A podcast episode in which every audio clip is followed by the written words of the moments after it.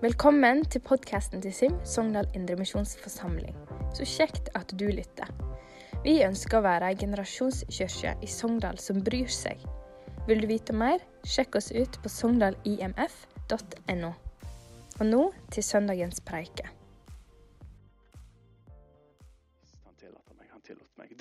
Vi skal ta og preke ut ifra Jeg har egentlig et ganske enkelt ord til dere i dag. Men det er fra Markus det fjerde kapittelet.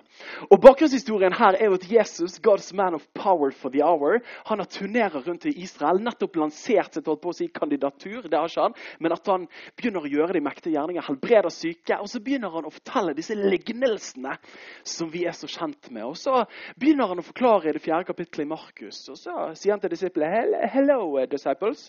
Eh, jeg har lyst til å forklare dere litt hvordan disse tingene henger sammen. Og så sier han du, du vet Guds rike.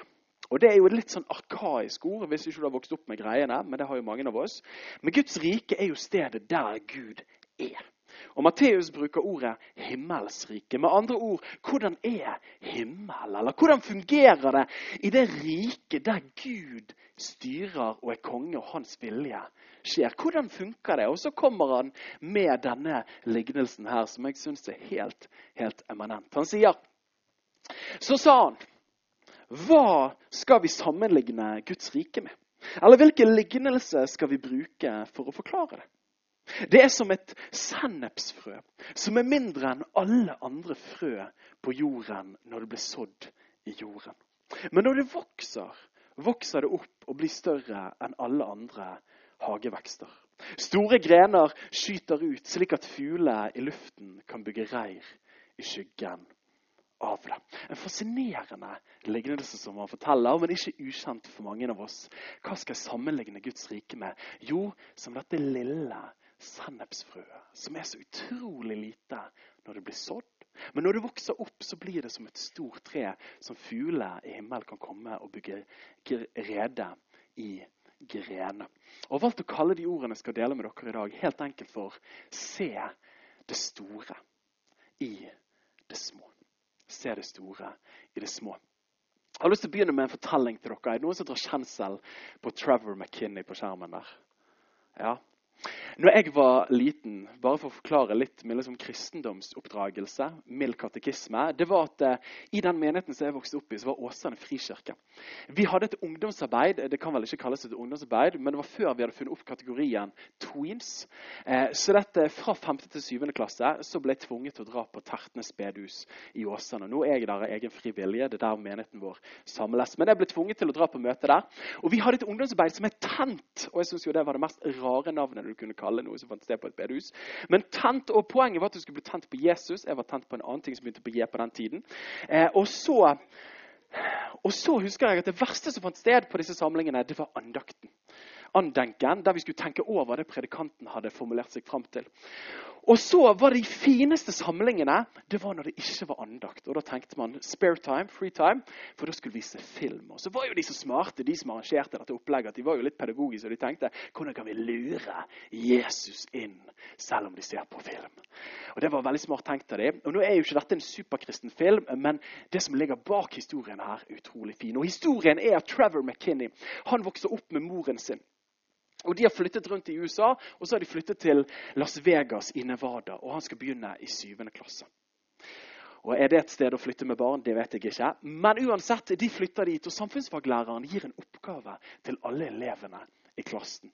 Og Jeg har jo studert å bli lærer, og vi fikk aldri presentert at det var lov til å gi sånne oppgaver. Men oppgaven han gir, var at alle elevene skulle komme på en idé som kunne gjøre verden til et litt bedre sted. Kan du se for deg syvendeklasselærerne her i Sogndal si nå skal du finne på noe som kan gjøre verden mye bedre. Sant? Det var dårlig nynorsk. Men, men uansett, de fikk den oppgaven. Og Trevor McKinney, som var en smart gutt, han tenkte fram. Og så sa han hei, folkens, det jeg skal ta og gjøre, er at jeg skal gjøre altså Du har mi der. Det er jo, det er jo nynorsk for meg. Eh, du har meg der. Og så skulle han gjøre tre gode gjerninger mot tre ulike personer.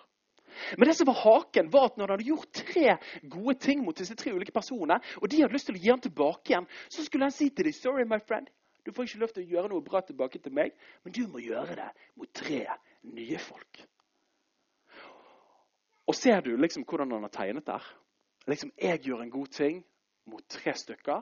Og da den neste personen må gjøre en god ting mot tre stykker. Og planen hans var et nettverk av gode gjerninger. Og Jeg hadde jo p-matte, så det går treigt i toppen på meg. Men jeg vet at hvis det begynner med én, så blir det til tre. Og hvis de tre skal gjøre tre gode ting igjen, så blir det til ni. Og hvis de ni skal gjøre tre gode ting, så blir det 27, og stopper det der for meg. Men da går det utover dere. Ta bildet, sant? Eksponentielt. Og jeg tviler på at Warner Bros-brødrene når de lagde denne filmen, her, at de tenkte Hello, we're gonna make a movie that illustrates how the kingdom of God works. Det tviler jeg at det var det som var på regissørbordet i Hollywood når de lagde denne filmen. Men uten at de var klar over det, og så brente seg fast i et ungt barnehjerte, så illustrerer dette her hvordan Jesusbevegelsen faktisk fungerer. Daniel, hva mener du med det? Jo, sånn som vi leste om i denne lignelsen. Jesus sier at, at, Guds rike Hvordan funker det når Guds rike, når Gud holder på med noe? Er det sånn det bare kommer ned ferdigproduktet? Og sier nei, nei, nei, nei. Guds rike det er som dette lille sennepsfrøet. Som du tenker er helt ubetydelig og uviktig i øyeblikket. Men idet det plantes, og når idet tiden får bearbeide det, så vokser det opp og blir så vanvittig mye større. Og sant, Hvor mange av oss nå hadde jo vi denne 60-årsdagen, og vi ønsket oss gavekort på Plantasjen. Eller min kone ønsket seg gavekort på plantasjen. Eh, og Hvor mange av oss ser da på disse små sennepsfrøene disse små frøene og tenker liksom det du holder der, bare sånn Jeg ser ikke et frø. I see a forest. Jeg ser en skog, liksom. Ingen av oss gjør jo det, men sannheten er jo at i dette utenkelige, lille frøet finnes potensialet for det ustoppelige, store. Er du med meg? Nå kan du nikke lett karismatisk. Og når du ser denne lille fyrstikken som har tenner, ser man bare en fyrstikk, eller ser man potensielt en hel brann? Dette er sånn Guds rike fungerer, sier Jesus. Det ser utenkelig smått ut, men det bærer i seg potensialet for det ustoppelige store. Og dette her, mine venner, har alltid vært sannheten om Jesusbevegelsen. Det som virket som en marginalisert liten sekt i år Jerusalem i år 33, har resultert i at vi sitter her i dag i 2022 og synger 'Vi opphøyer deg'. Og Hadde de hørt den sangen, så hadde de tenkt hva i alle dager er det de synger om? liksom, Vi forstår ikke dette. Men hva er greien? Det begynte som en liten tro for noen få, men som har endt opp med å influere de mange. Og Spørsmålet jeg har lyst til å stille i dag, er hvordan kan vi se en Jesusbevegelse i vår tid. Og jeg må si det at jeg har konvertert den fra keynote til powerpoint, så jeg har nok estetisk sans til å forstå at all teksten skal være inni den eh, brikken. Men sånn er det når man ikke går gjennom den på forhånd. Men uansett, hvordan kan vi se en Jesusbevegelse i vår tid. Og vet du hva? Dette budskapet er superenkelt, men jeg tror at det bærer med seg noe av en tidløs sannhet om hvordan Guds rike fungerer. Og jeg kjenner, sånn at Nå har jeg gleden av å reise rundt i dette landet vårt og få lov til å snakke om Jesus. og nå på, på på tirsdag så var jeg sammen med masse over 100 ungdommer på Danielsen videregående. Og så på søndagskveld var jeg sammen med, med alle konfirmantene i Kvam i Hardanger. Der var ikke det så mange som hadde møtt Jesus før. for å si det sånn. Og så i helgen så var jeg i Rogaland. Jeg får lov til å reise rundt og møte masse herlige kristne mennesker. Men jeg ser ofte at når det kommer til troen og forventningen til at Gud skal gjøre noe i dag, så er den ofte begrenset. Så hvis jeg kan få lov til å gjøre én ting i dag, så er det forhåpentligvis å få lov til å vekke engasjement, men òg tro om at Gud ikke har resignert eller pensjonert seg, men at han faktisk virker på de nordlige breddegradene også. Så hvordan, hvordan kan vi se en Jesus-bevegelse i vår tid? Og Dette er superenkel pedagogikk, men det første jeg har lyst til å si, er ikke sant. Ikke sant? Oi, oi, oi. Vi skulle tatt oss noen minutter der videre før vi begynte. Eh, men det første jeg har lyst til å si, er se det store i det små i møte med mennesker. Se det store i det små i møte med mennesker. Jeg tror dette er et tidløst prinsipp. Daniel, hva mener du med det? Jo, Det første jeg har lyst til å snakke om, er møte med mennesker vi har i livene våre. For en tid tilbake, eller for en del år siden så studerte jeg på en teologisk institusjon. og så, eh, Det hørtes veldig alvorlig ut når du sa institusjon, men jeg var der av egen fri vilje. En høyskole.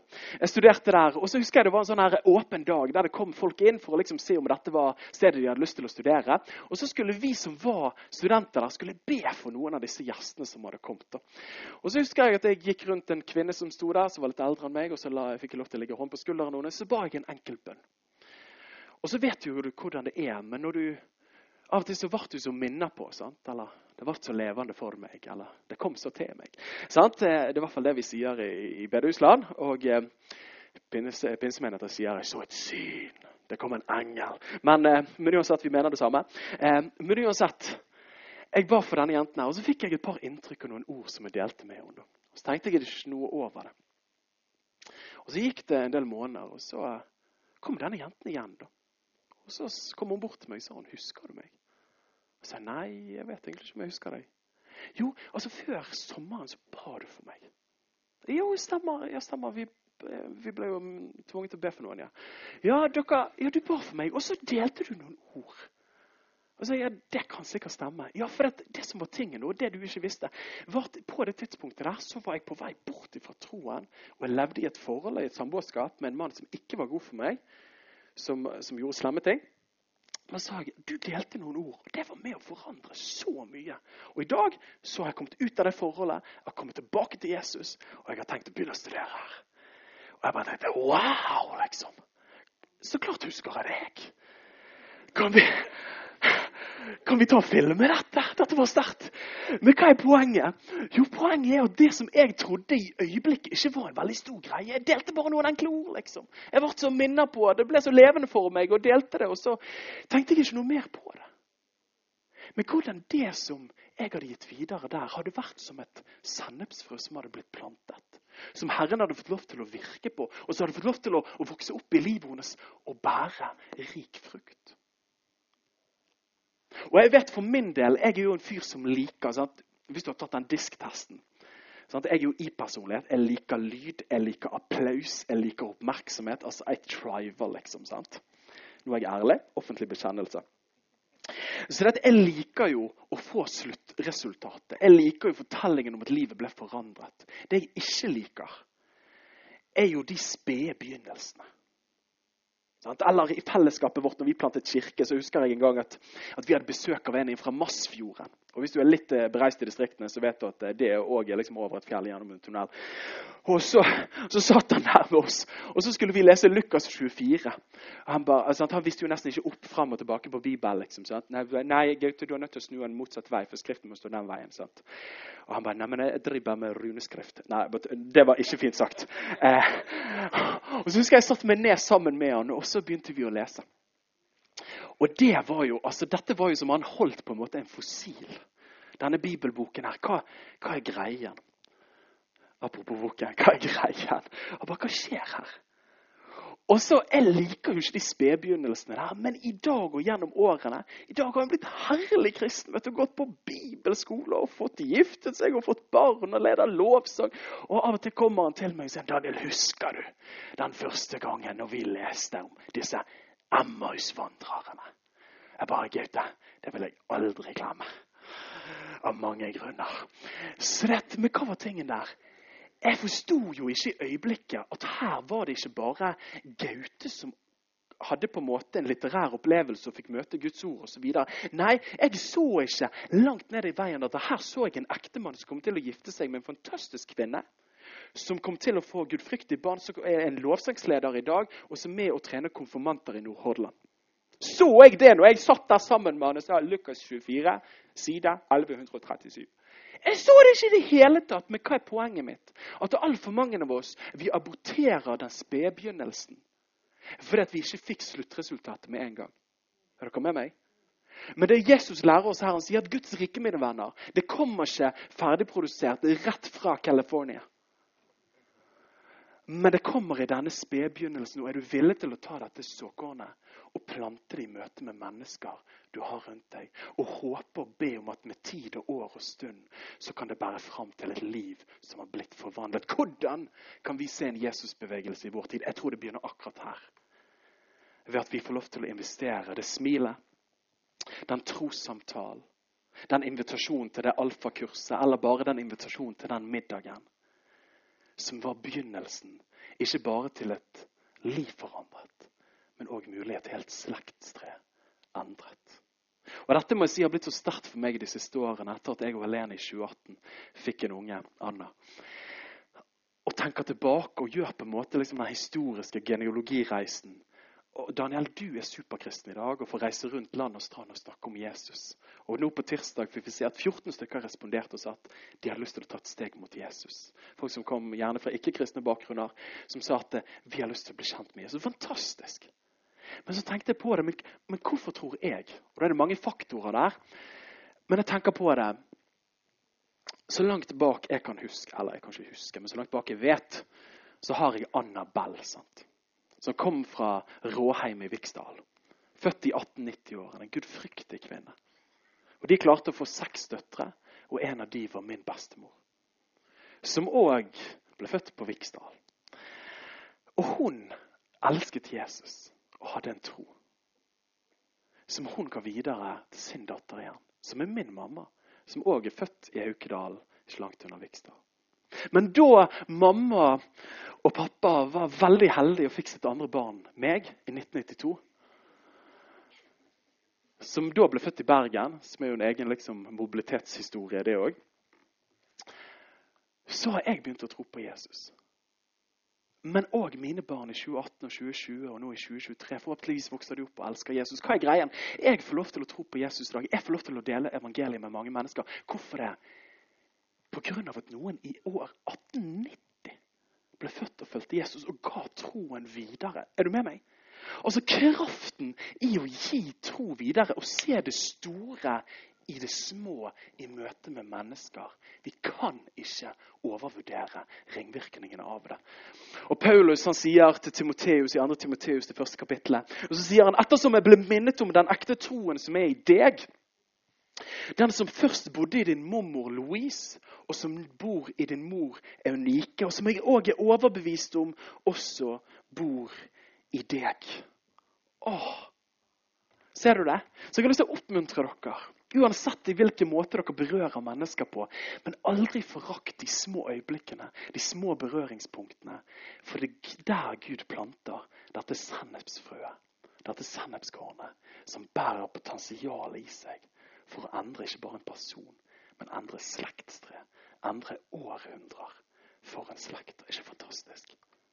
Åh, så det kjenner jeg liksom bønnen. Gud åpne troens øyne, så vi ser mer enn det som er banalt, monotont og kjedelig foran oss. Jeg må innrømme det at Når jeg sitter med mine barn på sengekanten og leser Bibel for dem på kvelden, så er ikke det alltid jeg kjenner liksom tungetaletrykket. Shabadabadu er liksom helt på topp. Og jeg hører ingen synt i bakgrunnen som bare bringer inn en salig stemning av Guds nærvær. Tvert imot så er det litt kakofoni. Det er bråk. Det er litt sånn 'Pappa, må vi lese?' Ja, vi må lese. Eh, og så sår vi inn år inn og år ut. Men hva er det det resulterer i, forhåpentligvis? Jo, barn som følger Jesus en gang. Da. Åh. Måtte vi se det store i det små i møte med mennesker. Men mer enn det se det store i det små i møte med menigheten. Og En av de tingene jeg liker å komme her til Sogndal med dere, er at jeg, jeg får en sånn opplevelse av å komme hjem. Da. Og Dette minner meg litt om den lokalmenigheten som jeg fikk lov til å vokse opp i. Som var Åsane frikirke, og som jeg nå får lov til å lede i Åsane bydel. Vi begynte som studenter, og så begynte noen å forstå hvordan man skulle få barn. Og nå har vi masse barn, og det er et salig kaos. Men dere kjenner til det. Dere har jo til og med ulike søndager. Kaossøndag og liksom stillesøndag. Eh. Og dere ler, for det er sikkert sant. Men vi har ikke vært så smarte ennå, så vi har kaossøndag hver søndag. Men jeg har gleden av å jobbe med noe som heter M4 Ready. Og Det handler om menighetsplanting, der vi ønsker å trene kommende menighetsplantere. For jeg tror, per dags dag, dato i, i, Norge i dag, så vi, er det flere menigheter som vi legger ned, enn som vi starter opp. Og det tenker jeg, det er ikke bra. Sånn kan det ikke være. Dette må vi være med og bøte litt på. Da. Så Jeg har et veldig engasjement i møte med menighet. Og så lever vi òg i en tid der det kommer til det kristne fellesskapet, så er det ikke sånn at det, den kristne fellesskapet alltid har den høyeste aksjekursen. Og Hva mener du med det, Daniel? Jo, Jeg har forstått det sånn etter å ha jobbet litt som pastor og ungdomsleder, at vi lever i et frivillighetssamfunn. Og det er jo gullet i samfunnet vårt. Dugnad. Det begynner å bli mindre av det. Og vi har lyst til å få betalt for engasjementet vårt osv. Men det er noe av gullet ved den norske kulturen er dugnadsåren, og det er frivillighetsfaktoren som har båret mange ting. Så det at Mine barn de kan være tid for spørsmål om de har lyst til å gå på fotball. Jeg gikk aldri på fotball, men det kan være at de skal få lov til det. Men da er jo Har du lyst til å gå på fotball? Og så sier man ja, nei, hva får jeg for det? Sant? Ulike alternativer. Men i møte med det kristne fellesskapet så ser jeg at den frivillighetsmentaliteten Ofte har vi den med oss når det kommer til kirkelivet òg. Føler du for å dra i kirken på søndag? Jeg vet ikke helt om jeg har lyst til det. Jeg hadde ikke den muligheten da jeg vokste opp. Da sa mamma di vet du hva, Daniel, i dag har du to muligheter. Kan få lov til å være med i kirken. Ok, den andre. Eller du kan få lov til å være med til menigheten som var ulike ord for den samme tingen. Så jeg hadde ikke veldig mye valgmuligheter. Men hva handler det om? Jo, jeg tror at menighet ikke er en frivillighetsaktivitet for de som trenger litt ekstra religiøst påfyll i hverdagen. Men som etterfølger av Jesus er menighet den naturlige pulsen for oss. For det er her vi kommer sammen som det kristne fellesskapet. Hva er poenget mitt? Jo, mange av menighetene våre lider og blir litt mindre fordi det er så utrolig mye hyggeligere å holde på med de andre tingene som det avanserte, moderne mennesket i Velferds-Norge skal bedrive. Men der har jeg lyst til å utfordre oss. Og dere har sikkert dette på plass, men jeg trenger å si det til flokken min, at kirke er ikke en aktivitet, men kirke er en identitet. Følger jeg Jesus, så er jeg ikke en del av hans folk. Og søndager er kirkedager. Sånn er det. Gud skapte først søndagen for kirkedag, og så sa han så kan du slappe av på ettermiddagen tøyser litt, men vi trenger å ta menighetene tilbake. Kan dere være med meg på det? Men òg se det store i møte med det små i møte med menigheten. Og Hvor mange av oss har ikke vokst opp og har en god bakgrunn fra bedehusliv, menighetsliv osv.? Kan noen gi liksom Ja, sant? Jeg har akkurat samme erfaring som dere. Hadde det fantastisk i menigheten som jeg vokste opp i. Det var søndagsskole, vi hadde flagg under lovsangen. Jeg kommer fra en sånn kirke. Vi hadde det veldig gøy. Og jeg fikk slush, og vi spiste masse kaker. Og det var rett før jeg fikk diabetes, nesten, for vi stjelte så mye godteri.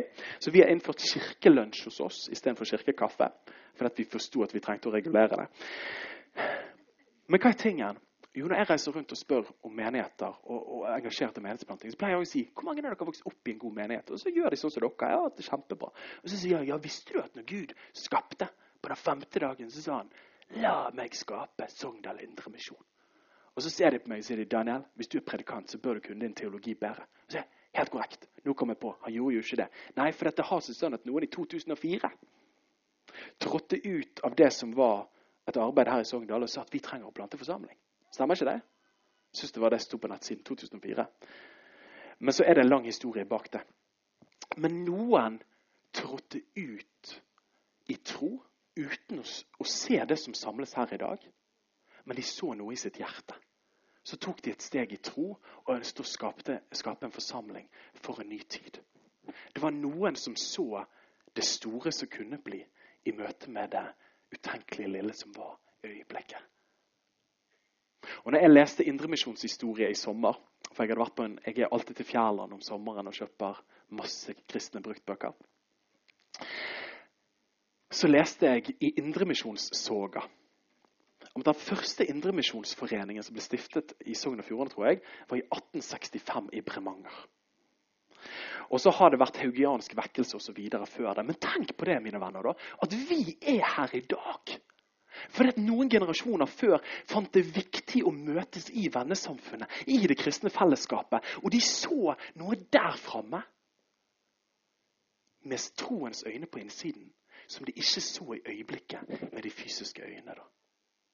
Så det at Når du og meg kan bli fristet til å tenke at ja, vet du hva, liksom, alt går bare nedover for tida, og det er ikke noe trøkk over det kristne fellesskapet, og jeg vet ikke om jeg klarer å engasjere meg lenger. Og så tenker vi med Hans Nilsen Hauge, sant? og jeg kan tenke det. På den tiden å, da var det vekkelse i landet vårt. Det var mye bra som skjedde. Og vi har jo Er du klar over hva som er den mest eksakte vitenskapen? Etterpåklokskap. For da vet man hvordan det gikk. Så det at vi tenker jo, Det var jo så enkelt for Hauge. Han visste jo det kom til å bli masse ebeneser og Betel og bedehus overalt. liksom. Nei, han gjorde jo ikke det. Men han så noe i sitt hjerte.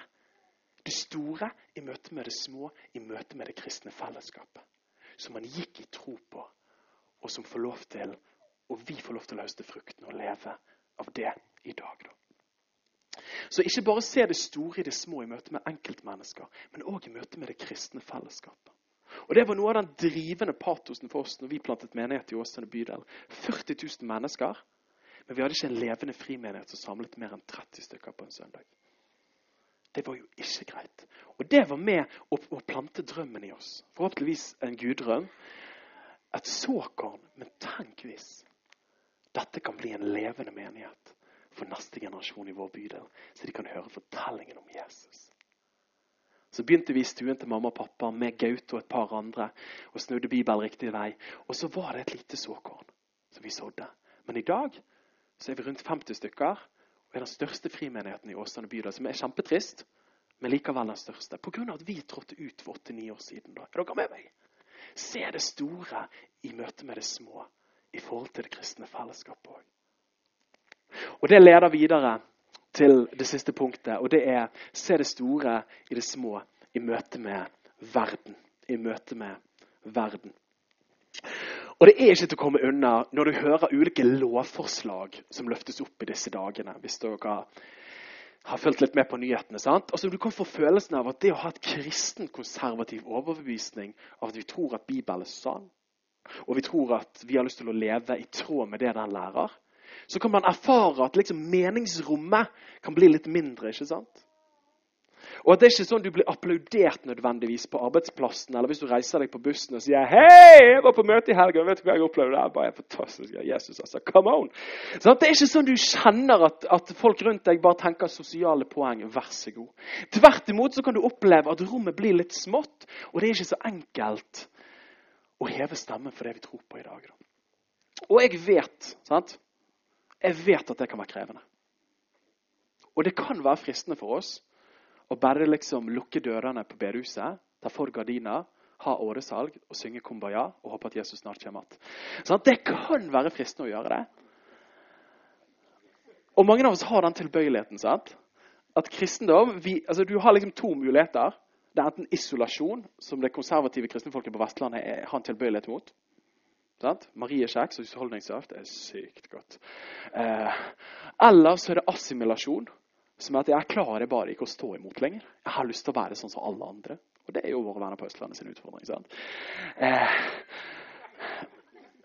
og Der er jo utfordringen motsatt vei. gjerne, sant? Og For oss andre at vi kan velge en av de deler der. Men som etterfølger av Jesus har vi ikke privilegiet av å sone ut av verden. Og Vi har ikke anledningen til å si at vi lever i en etterkristen tid. Sant? En postkristen tid. Som om toget har gått. Det var en kristen epoke i, i Norge, men den tid er forbi. Nå må vi liksom bare glugge igjen vinduene, eller så får vi bare hive oss med i det sekulære toget. Men Jesus sier nei, nei, nei, mine venner. Husker dere når jeg lærte om Guds rike? Det er som dette sennepsfrøet. En smak av Guds rike. Det ser så lite ut. Men skal Guds rike ekspandere, så kan ikke det bare være i en krukke. Men det må være i berøring med jordsmonnet rundt. ikke sant? Altså den verden vi er omgitt av. Og så sier han òg andre steder han lærer om Guds rike, i Matteus 13 blant annet, så sier han at Guds rike er jo som denne surdeigen. Det er jo som denne gjærklumpen. Men du må jo plante denne gjærklumpen i møte med alt det andre melet.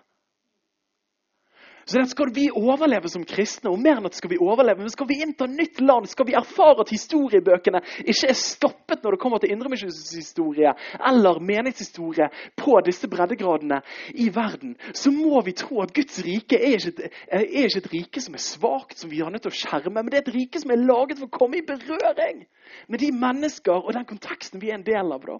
Og Når Jesus lærer i Matteus det femte kapittelet, så sier han at dere er jordens salt. Skal saltet utføre sin funksjon, hva må det være i berøring med? Det må jo være i berøring med en annen masse. Og så sier han dere er verdens lys. Ja, jeg vet det. Sånn lys vi kan ha inne i kirkebygget. Og han bare nei! Det er jo sånn lys som må være der ute. Det er mørkt! Er dere med? Så det at vi er jo laget per definisjon som etterfølger av Jesus, er vi skapt for å være midt i verden, men ikke av verden.